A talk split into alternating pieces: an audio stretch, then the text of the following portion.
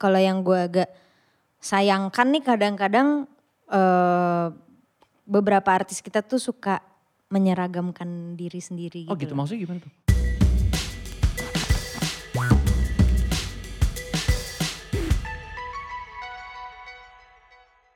MLD Podcast kembali lagi bersama Reza Al-Kadri, Get Yourself Inspired, di mana kita bakal ngobrol-ngobrol barengan sama musisi-musisi yang ada di sini sebagai bintang tamu kita, yang ngobrolin seputar musik dan gak cuma seputar musik karena kalau menurut kontraknya sih harusnya lu juga cerita hal lain selain musik.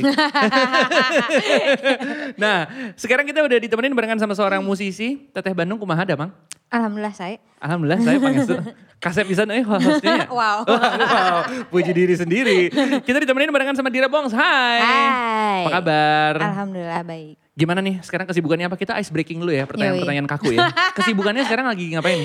Kesibukannya eh, lagi nyiapin album buat tahun depan Oke 2020. 2020. Kan eh, yang kita tahu baru aja ngeluarin single. Yap, Single terbaru yang judulnya adalah sungguh terlalu. Rido Roma nih. Enggak, Roma Irama nih, sungguh terlalu. Tapi eh, setelah gue dengerin singlenya emang nuansa musiknya lebih kaya daripada lagu-lagu sebelumnya sih. Oh iya, Iya kenapa? sih. Tahu mungkin gara-gara efek eh, abis main ke luar negeri banyak gitu ya, terus nemuin banyak inspirasi nggak sih? Eh nggak tahu kenapa tapi kayaknya sederhananya adalah produsernya bukan gue. Kalau produsernya lo kenapa emang? ya mungkin seperti yang biasa kita dengar Lebih bagus kan. dong tapi dong. Iya. Harus Amin, puji diri amin. sendiri betul, dong. Betul, betul, betul. Tapi yang tentunya pengen kita bahas di sini adalah pengalaman lo juga. Karena eh, yang kita tahu adalah tahun 2019 lo manggung di South by Southwest. Hmm. Eh, dan boleh diceritain dikit gak sih ini sebenarnya pengalaman pertama kali lo keluar negeri dan bermain musik atau ini udah Hmm. kesekian kalinya?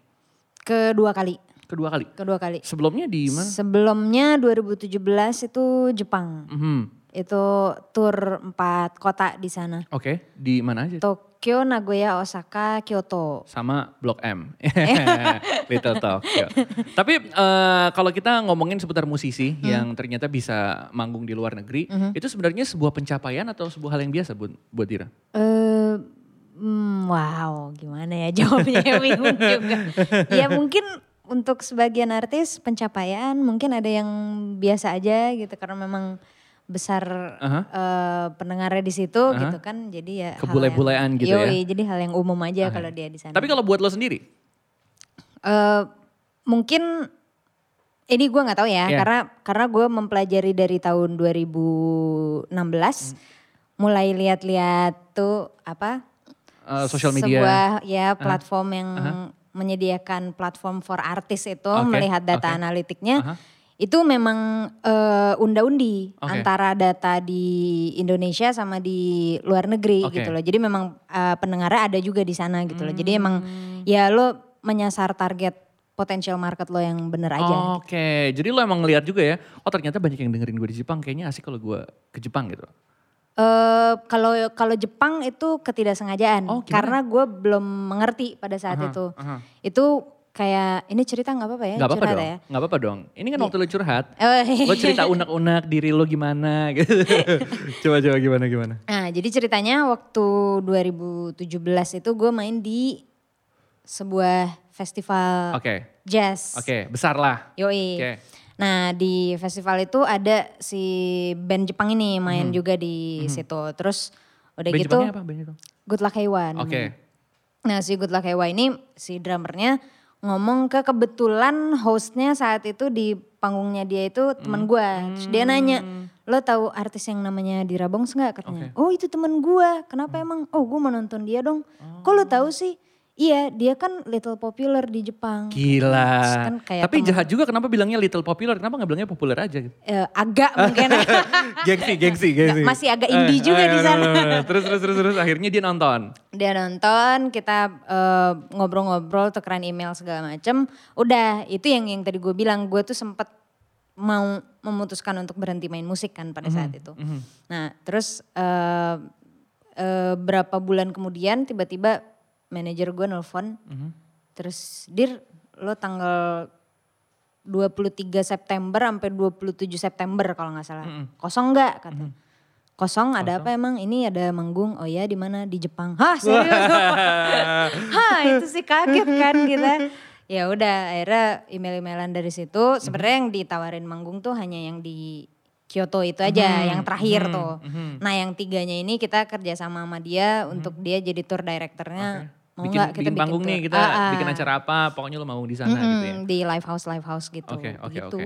Jadi ibaratnya bukan pengalaman pertama ketika lo berangkat ke South by Southwest. Tapi sebelum kita cerita seputar South by Southwest, lo jadi tadi sempat mention juga kalau lo pengen berhenti jadi seorang musisi. Kenapa emang? Eh, satu sih karena keluarga. Mhm. Banyak yang Karena- nentang gitu ya? Sebenarnya nggak banyak, sebenarnya bokap gue doang. Karena eh, ya mungkin itu background keluarga hampir semuanya ekonomi kan. Oh, Oke. Jadi Anak eh, bank semua ya? Iya, banker semua. Oke. Nah, kebetulan nih gue eh, terakhir kuliah juga itu manajemen gitu Mhm, loh. Jadi kayak sayang kalau ilmu lo nggak dipakai apa segala macam gitu loh. Karena beda banget musik bukan bukan itu. Padahal walaupun gue juga ngambilnya entrepreneur sih gitu ujung-ujungnya. Bisnis ya? Iya, Musik jadi kan bisnis juga. Nah itu dia, cuma kan tetap ya stigmanya gitu di Iya. di Indonesia nggak nggak nggak bisa kita bohongin bahwa musisi masih jadi pekerjaan yang mungkin dipandang sebelah mata oleh Gimana sih sebagian lo? orang Woi, gitu loh. Woi gimana? Marah. Curhat jadinya, Terus, terus. ya kan banyak yang masih berpikir kayak Oke. gitu. Emang lo hidup dengan jadi musisi gitu. Mungkin itu salah satu hal yang dipikirin bokap gue juga. Jadi dia agak insecure kalau anaknya jadi musisi. Pendapatan lo nggak akan nggak akan ya Ibaratnya nggak settle lah gitu. Yoi, katanya. Iya. gitu. Nah, Jadi ya udahlah gue tadinya mau aduh daripada gue diginiin ya tiap ketemu bokap gue gue harus ngomong kayak gitu lagi gitu. Ya udah deh gue berhenti aja. Mungkin bukan di sini juga jalan gue gitu. mm-mm. taunya dapet itu yang ke Oh, Jepang itu. Oke. jadi gue kayak wah ini ini sih Tuhan mungkin mau ngasih lihat ke gue bahwa Mm-hmm. ya gila gue udah dari tahun berapa juga gitu kan main musik kayak mau tiba-tiba diputus gitu aja kayaknya Langsung enggak dikasih, deh Enggak deh. Iya. Kayak emang ini jalannya. Sampai akhirnya di tahun 2019 juga datang ke South by Southwest tuh ceritanya gimana juga tuh? Eh, kalau itu eh, kurasi kan Oke, sebenarnya. iya, Jadi kita Tapi lo apply juga atau iya gimana? kita submit ke ke South by Southwest. Aha. Itu 2000 gue kan main awal 2019 ya. Itu gue submitnya pokoknya awal atau tengah-tengah 2018 gue lupa. Oke. Submit ya udah submit gitu aja Kayak kayak ah, iseng-isengan Iya, siapa iya, tahu iya, ini nih. iseng-iseng gitu. Terus akhir tahun 2018 baru dikabarin Oke. bahwa awalnya dia nge-email dulu kayak bilang ini di Rabungs nih salah satu yang kita keceng nih gitu. uh, uh. Tapi belum belum keluar fixnya gue main apa enggak. uh-uh. Terus nah itu yang tadi pas tahun baru itu Mhm. dia email lagi bahwa ya lo main di 2019. Hmm, Oke, berarti itu mainnya lo lo dikasih taunya di akhir 2018, mainnya bulan Maret 2019. Yoi. Ya persiapannya dikit dong berapa bulan? Hmm, dua bulan. Efektifnya dua bulan berarti. Gila. Terus apa aja nih pengalaman ketika lo manggung di sana?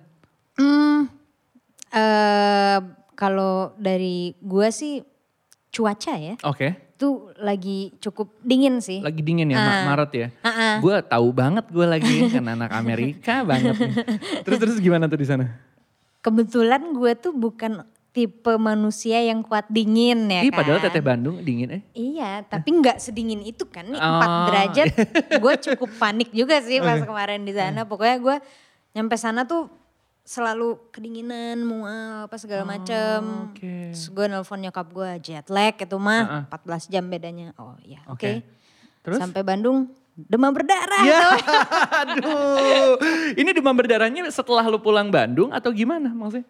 Eh, nah itu pas pas gue pulang ke Bandung, mestinya tuh malamnya gue langsung manggung lagi kan di Bandung. Tapi entah kenapa tiba-tiba vertigo, muntah-muntah lagi segala macem. Akhirnya nyokap gue ngeri kali ya kayak, udah cek darah aja. Pas dicek darah, trombositnya tuh lagi rendah-rendahnya. Kayak nyokap gue kaget, wah ini kenapa? Takut kali ya. Pas dua hari kemudian dicek lab lagi dia naik. Oh, lah. Makanya kata perawatnya mungkin ini proses inkubasinya udah beberapa hari yang lalu. Oh, which berarti- gue lagi di Amerika. Oh jadi pas lu di Amerika sebenarnya lagi demam berdarah? Yoi. Tapi lu gak nyadar? Enggak. Ya gue taunya Allah. itu jet lag. Emang perasaannya berarti gimana? Lemes? Lemas. Heeh. eh, pucat makanya kenapa gue di sana selalu pakai lipstick merah banget Oke, tuh biar supaya fresh gitu ya. yoi kalau enggak gila gue pucat banget aja Masa? makanya Jadi lo nggak nyadar kalau ternyata di Amerika lo tuh lagi demam berdarah. yoi Emang lo nggak ngecek ini ada bintik-bintik merah? Nah, nggak nggak ada. Itu dia demam berdarah zaman sekarang. Ternyata dia bilang emang nggak selalu bintik-bintik. Oh. Bisa jadi nggak ada bintik-bintiknya, tapi lo trombositnya lagi rendah-rendahnya. Itu nyamuk model baru gitu. Wah, nyamuknya udah upgrade ya. udah upgrade OS baru ya nyamuknya ya.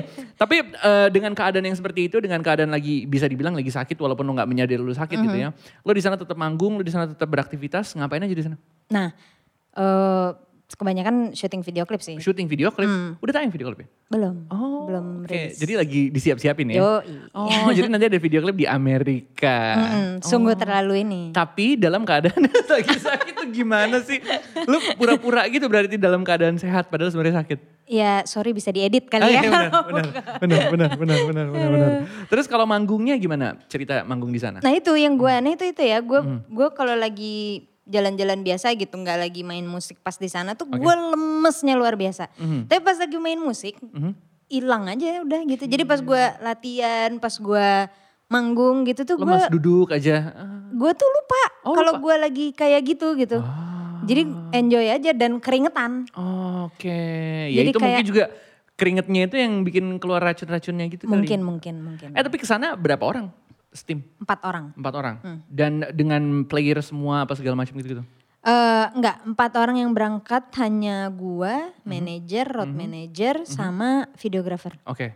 Sisanya lu main sendiri apa gimana? Eh, enggak, session playernya dari Amerika. Wah, emang nggak bawa dari Indonesia atau gimana? Visanya gagal. Tapi kok akhirnya bisa dapat session player di luar gitu gimana? Eh roadman gua ngontak. mhm. Awalnya cuma ngontak si drummernya aja. Oke. Karena dengan maksud adalah tadinya kan session player gue yang gue bawa dari sini tuh dia main keyboard sama synth bass. Mhm. Oke, jadi satu semua ya? Ya. Mhm. dia main dia multi instrumentalis main dua itu. Jadi di sana hanya membutuhkan drummer, Drummer. dan gitaris. Oke. Tadinya tuh kayak gitu kan. Mm-mm. Ternyata zet vis- visa gagal gitu Oke. kan. Ya udah minta tolong ke si drummer ini basis dong minta Oke. tolong cariin lagi segala macem. Ternyata dapat nih. Ya Mhm. udah jadi basis, gitaris sama drummer yang dari sana. Gila, tapi Keyboard, pads yang gitu-gitu gue masukin udah sequencer. masuk, jadi semua tinggal play. ya. Yoi, play. Tapi setelah lo ngerasain manggung di luar negeri beberapa kali gitu ya, eh, ini jatuhnya bakal jadi eh, sebuah apa ya kayak tolak balik lo untuk bermusik lagi, untuk jadi bisa bikin sesuatu yang lebih besar lagi apa gimana sih? Eh mungkin iya karena Hmm. Yang gue eh, dapat dari sekarang adalah lo nggak akan pernah tahu pendengar lo ada di mana gitu. Oke, Jadi oke. itu yang lagi gue gali lagi pendengar gue tuh ada di mana aja sih. Nggak Hmm, mungkin cuma di Indonesia aja atau nggak Hmm. mungkin cuma di Asia aja. Pasti ada lagi kok. Nah itu yang lagi gue cari terus sampai sekarang. Hmm, Oke oke oke. Jadi bisa dibilang kayak ngelebarin Hmm. eh, pendengar juga ya. Jadi ibaratnya nggak cuma di Indonesia aja, Hmm. ya syukur-syukur bisa balik lagi ke US ya. Iya, amin. Tapi nggak dengan tipes dan demam berdarah ya. Nah jangan sampai amit-amit ya Allah.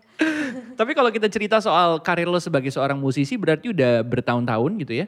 Eh, so far gimana nih ngelihat sekarang kan industrinya banyak banget orang-orang yang makin ikut berkarya, bermusik juga. Kalau tanggapan lo sendiri gimana nih? Ya bagus ya jadi jadi jadi beragam gitu yang Hmm. kita dengerin tuh. Cuma kalau yang gue agak sayangkan nih kadang-kadang eh, beberapa artis kita tuh suka menyeragamkan diri sendiri Oh gitu. gitu maksudnya gimana tuh? Ada beberapa yang sama. Ngomong kita dong siapa artisnya? Oh jangan dong, jangan dong. Tapi suka menyeragamkan maksudnya kayak agak ikut-ikutan kah atau gimana? Iya agak agak seperti itu mungkin walaupun memang eh, their true self memang udah kayak gitu gitu Iya. nggak tahu juga Atau cuma mungkin referensinya sama. Iya ya. bisa jadi Iya. itu juga nggak bisa di di apa atur gitu kan. Cuma lebih baik lagi kalau memang ya jadi diri kita sendiri sih keluarin aja yang emang kita banget tuh kayak gimana karena nggak mungkin sih ya Tuhan bikin berapa ribu Iya. juta manusia Dengan gitu-gitu. ini yang sama semua iya gitu. ya? nggak mungkin pasti beda gitu. Nah keluarin kebedaannya itu gitu. Hmm, Nah tapi kalau positioning lo sendiri sekarang Mhm. di industri musik Indonesia ada di mana? Ah gue nggak bisa jawab. tuh. Nggak nggak kebayang gitu gue. Kayak kalau misalnya lo menetapkan diri lo sebagai seorang penyanyi yang seperti A, B, C gitu-gitu. Nah itu itu itu gue nggak bisa jawab banget Ah. itu. Karena gue beberapa kali ngobrol sama orang juga Mhm. ditanya gitu. Kalau lo tuh kira-kira miripnya sama siapa sih gitu. Oke. Itu gue nggak bisa jawab, nggak tahu gue mirip sama siapa gitu. Even yang mungkin suaranya mirip atau apa genre musiknya mirip gitu, gue tuh nggak bisa jawab. Oke. Ya mungkin itu eh, kelebihan juga ya karena lo nggak bisa mendefinisikan lo sebagai A atau B. Ya definisikannya ya gue adalah diri gue sendiri. Makanya kalau untuk ngejelasin lo genrenya apa sih dir? Sebenarnya pop, tapi eksploratif pop gue selalu bilang karena ya itu angin-anginan gue tuh kalau gue lagi pengen pop tapi ada metalnya ya gue akan bikin itu.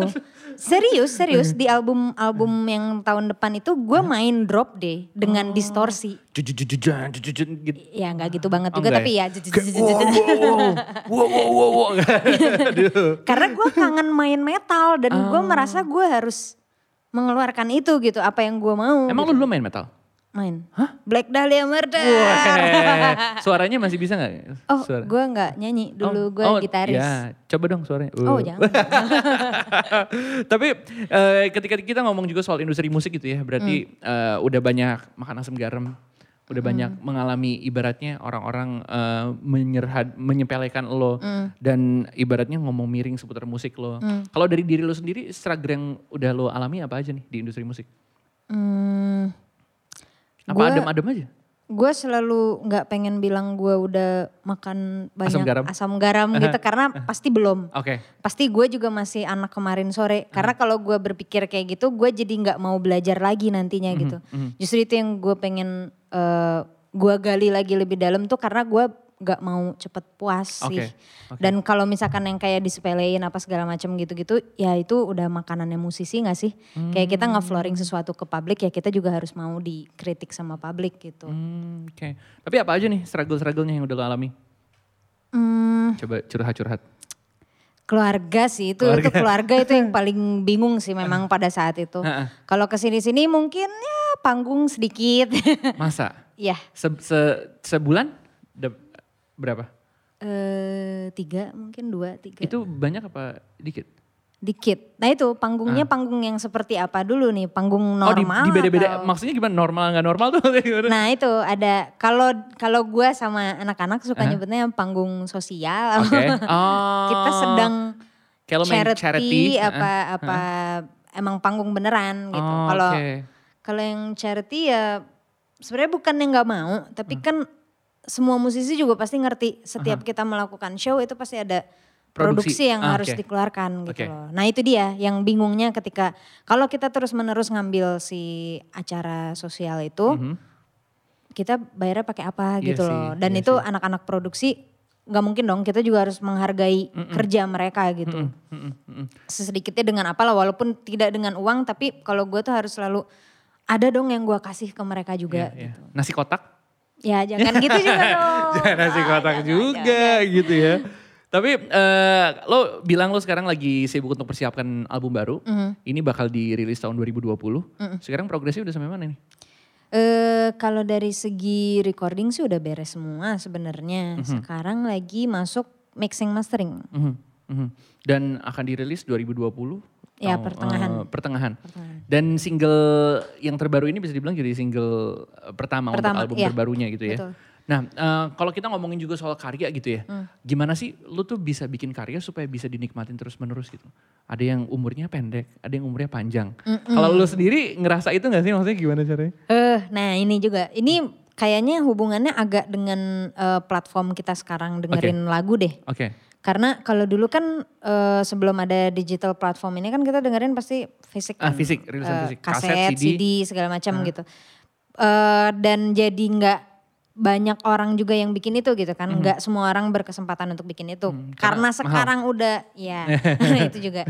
Karena sekarang udah gampang banget. Jadi banyak banget yang bikin. Aha. Akhirnya setiap harinya itu kan rilisan jadi banyak. Mhm. Kayaknya kalau menurut pandangan gue kayaknya itu deh yang memperpendek umur gitu? single sekarang. Oh gitu? Karena yang didengerin pasti yang itu aja terus yang memang paling menonjol. Oke. Kalau lo nggak menonjol ya orang akan cepet lupa.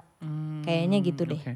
Dan apa strategi lu gimana supaya orang bisa ngedengerin dengan jangka panjang? Eh, ini gue juga masih belajar ini, Mhm. tapi eh, kalau untuk yang album ketiga ini strateginya adalah eh, kayaknya makanya gue keluar single terus-terusan. Oh, Oke, jadi nggak jebret langsung album, kayak single dulu, Itu kasih dia. waktu, single lagi, Iya. single lagi baru album gitu ya. Hmm, Karena nggak bisa dipungkiri juga sekarang orang berbondong-bondong incer playlist. Oke. Nah, editorial playlist itu yang yang kayaknya agak cukup bikin listeners kita naik tuh dari situ. Hmm. Dan bukannya bukannya lagi-lagi bukan soal angka ya yang gue Hmm. omongin kayak angka listeners lo gede apa segala macam. Bukan itu yang gue yang gue incer, tapi Hmm. adalah lagu itu nyampe ke mana aja yang gue incer Oke, gitu loh. oke. Kayak gue eh, tahun lalu sempat manggung di sebuah acara. Mhm. Terus eh, ketemu sama orang Jerman kalau nggak salah. Mhm. Terus orang Jerman itu bilang, oh lu tuh yang nyanyi Make Me Fall In Love. Itu gue dapet di dari, Dari playlist. editorial playlist Oh, gue masuk ke playlist gue dan gue suka langsung gue save. Nah itu kan Hmm. itu yang gue nggak gue bilang lo nggak akan pernah tahu pendengar lo ada di mana gitu loh. Hmm, Oke oke oke oke. Dan ibaratnya eh, sekarang semua orang lagi ngejar ke situ ya. Mhm. Dan itu ditentukan juga berdasarkan karya lo, sama berdasarkan untung-untungan juga. Iya, jadi fak- benar benar benar faktor luck itu benar-benar jadi ini juga pertimbangan juga sekarang. Oke, nah ya berarti nggak bisa dipungkiri kalau lo berarti sekarang lagi ngejar gimana caranya supaya either lagu lo tuh bisa uh, masuk ke kuping orang atau bisa masuk ke playlist. ya, ya secara kasarnya gitu mungkin. Oke, oke. Tapi gimana nih kalau kita ngomongin seputar album berarti kan berevolusi ya. Mm. Di album ketiga, ada yang berbeda sama album-album sebelumnya? Eh, agak jauh. Oke, jauhnya gimana nih? Jauh karena album pertama itu kan 2013. Mhm. Itu gue selalu bilang itu album yang gue bikinnya agak nggak mikir. Oke. Karena masih kuliah. Udah rilis aja lah yang penting ada gitu. Ya karena pengen pengen punya punyaan album Mhm. aja ya masih kecil juga masih 20 tahun. itu Iya. kayak eh, ya udah yang main musiknya siapa aja teman-teman gue gitu. Oh, M- Mainnya terserah lo aja yang penting jadi lagunya rilis apa segala macam. Uh-huh. Yang kedua gue agak berpikir, agak sedang belajar. Mhm. Karena oh ternyata proses produksi itu nggak bisa kayak gitu. Milih player aja nggak bisa kayak gitu. Lo bener-bener harus pilih orang yang cocok untuk lagunya gitu. loh. Nah yang ketiga ini makanya eh, kalau buat gue eh, album ketiga itu agak cukup krusial untuk seorang solois gitu. Jadi kayak gue pengen ini se-prepare mungkin bikinnya gitu. Jadi Oke. kayak bener-bener eh, sampai produser pun gue pilihin karena belum tentu misalkan gue yang bikin lagu belum tentu gue adalah produser yang tepat untuk eksekusi lagu itu gitu Oke. loh. Nah itu bener-bener makanya agak lama bikin album ini udah mungkin udah dua tahunan kali ya dari proses bikin lagu bikin lagunya juga. Karena ya itu gue ngincer semoga orang-orang yang ngisi posisinya di album tiga ini tepat semua. Kayak nggak asal-asal gitu ya. Hmm. Tapi eh, dengan apa namanya eh, halangan yang lo lakukan ini semua gitu ya, Hmm. milih-milih ini semua. Apa nggak lebih enak kalau misalnya lo bergabung sama sebuah major label gitu? Kan udah diurusin semua ya. Blah. nah Lo itu Eh. kepikiran gak sebenarnya? Ah, enak kali ya kalau major label aja gitu ya, udah nggak usah mikirin semua.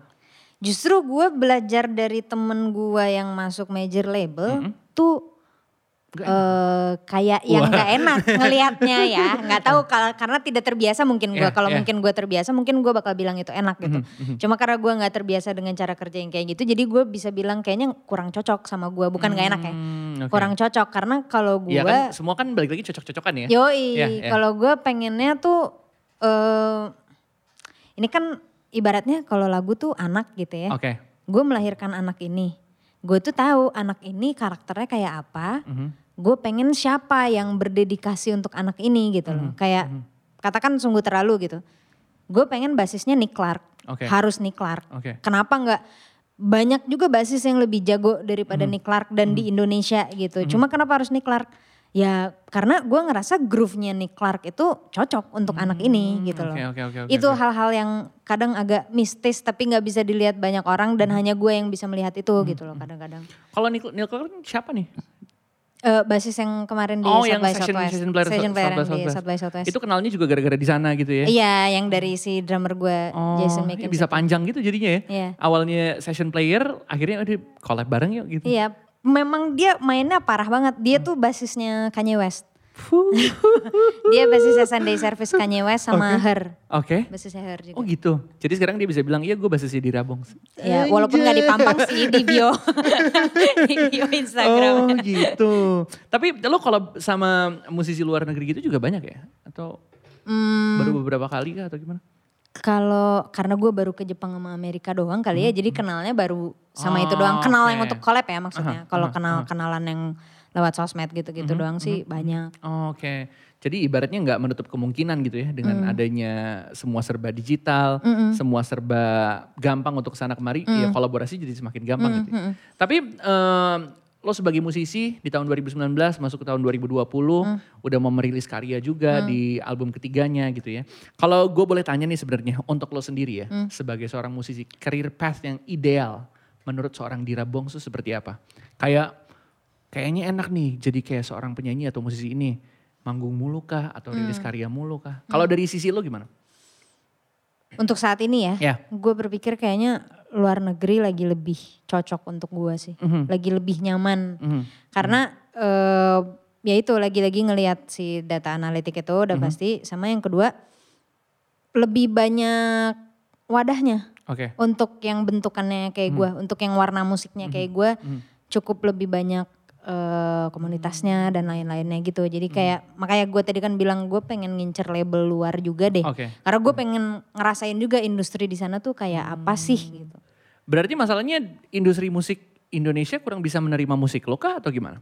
eh itunya gue nggak tahu, tapi mungkin bisa jadi karena guanya juga kurang marketingnya kurang Oh, mungkin bisa jadi oke. gue tidak men- menyalahkan ya, ya, ya, ya, ya, tidak ya. menyalahkan pendengar Indonesia atau apa. Kok nggak mau dengar lagu gue apa segala macam. Nggak mungkin dari guanya yang kurang Oh, Oke. mempromosikan itu dengan baik mungkin ya. tapi kok kok di luar aja yang nggak dipromosiin kok bisa denger gitu loh. Oh, Oke.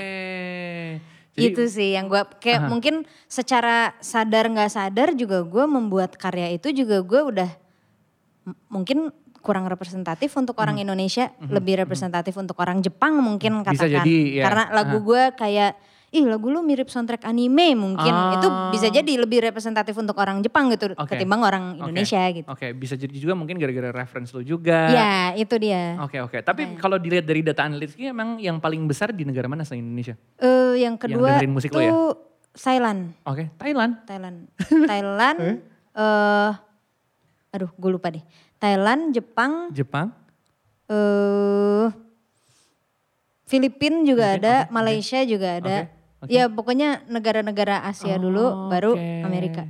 Tapi udah ada yang request gitu minta supaya datang ke sana di sosial media gitu. Udah. Iya? Dan itu orang Korea. Oke, Korea malah. Gue pengen banget ke Korea, tapi belum ada rezekinya mungkin. Nah, mau collabnya sama EXO, sama Suju, sama Eh enggak, Blackpink. Blackpink. Tapi eh, ngomongin soal bisnis juga gitu ya. Hmm. Ngomongin soal musik juga kan ngelepas dari bisnis gitu ya. Dan berhubung lo adalah seorang yang memasarkan sendiri musik Hmm. lo barengan sama tim lo gitu Iya. ya. Berarti emang penting banget ya untuk musisi juga tahu soal bisnis dan industri musik. ya, Mhm. kita harus maksudnya sebagai musisi juga harus tahu si entitas marketing itu apa aja gitu loh. Karena kalau enggak kan yang tahu let's say lagu ini adalah produknya ya. Yang Iya. tahu produknya kan lo. Oke. Mestinya lo tahu juga dong. Lo tahu mana yang lo mau juga untuk si anak ini pergi ke mana gitu loh. mhm, Jadi gue selama ini sih gue ikut nimbrung juga setiap ada meeting yang eh, manajerial gitu. Gue ikut juga di situ mau ke mana aja nih abis ini gitu. Hmm, apa nih momen-momen yang oh ternyata gitu yang lo baru tahu ketika lo ada di dunia musik. Ini digital ini, ah, ah. digital platform ini. Ini serius gue baru tahu beberapa minggu yang lalu bahkan.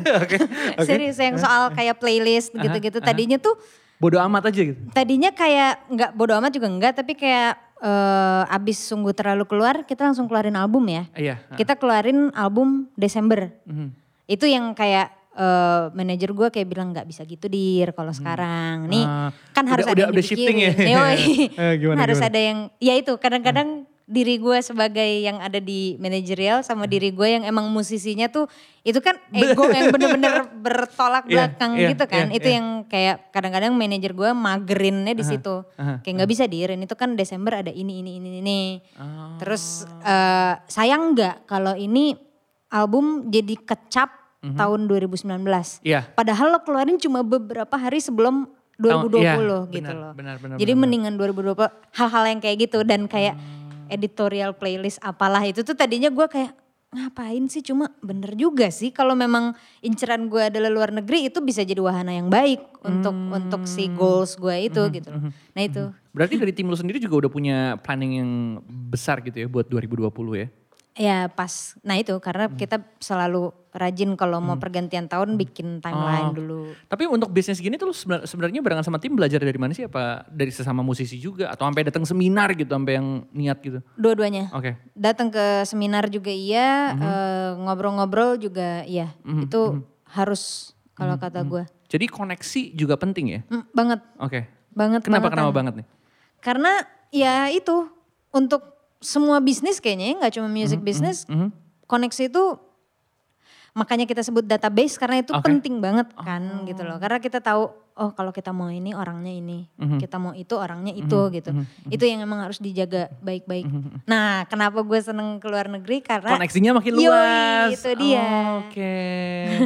Gila. Tapi lo kan kuliah juga manajemen ya? Apa bisnis gitu ya? manajemen entrepreneur. Ada, ada yang kepake nggak di ber- bermusik lo? Kalau waktu gue entrepreneur itu sebenarnya tugas akhir gue adalah business plan. Oke. mungkin terpakainya di bisnis plan Oh, aja. Cuma oke. kalau semester 1, semester 2, semester 3 itu kan masih mata kuliah yang memang eh, manajemen umumnya gitu loh. Itunya sih kayak ekonomi makro, ekonomi mikro itu kayaknya nggak kepake deh. itu gak kepake banget ya. Tapi yang lebih pakai gimana caranya memasarkan musik lo tuh. Mhm. Kayak manajemen bisnis keluarga tuh kepake. Oh. Eh, how to negotiate itu kepake juga. Uh-huh. Dan balik lagi karena lo ngerjain semuanya barengan sama tim sendiri gitu Iya, ya. itu Jadi dia. ibaratnya palu gada tuh udah Yoi. harus lo lakukan semua gitu ya. Tapi berarti di 2020 akan lebih sering keluar negerinya yang diharapkan adalah itu atau gimana? Iya, amin. Mudah-mudahan. Tapi gue untuk tahun depan harapan gue saat ini adalah amin ya Allah. Amin. Pengen eh, Southeast Asia dulu. Oke. Sama Jepang, Korea lah boleh. Sekalian jalan-jalan ya. Terus kita ngomongin juga soal angan-angan nih di tahun 2020. Pengennya mau di mana nih positioningnya berarti Eh, apanya nih positioning? untuk apanya? seorang musisi? Bisa manggungnya dari mulai manggung nih lo pengen manggung sebulan berapa kali nih sebenarnya? Wah, kalau bisa sebanyak-banyaknya tiap hari, tiap hari gue mau kayak.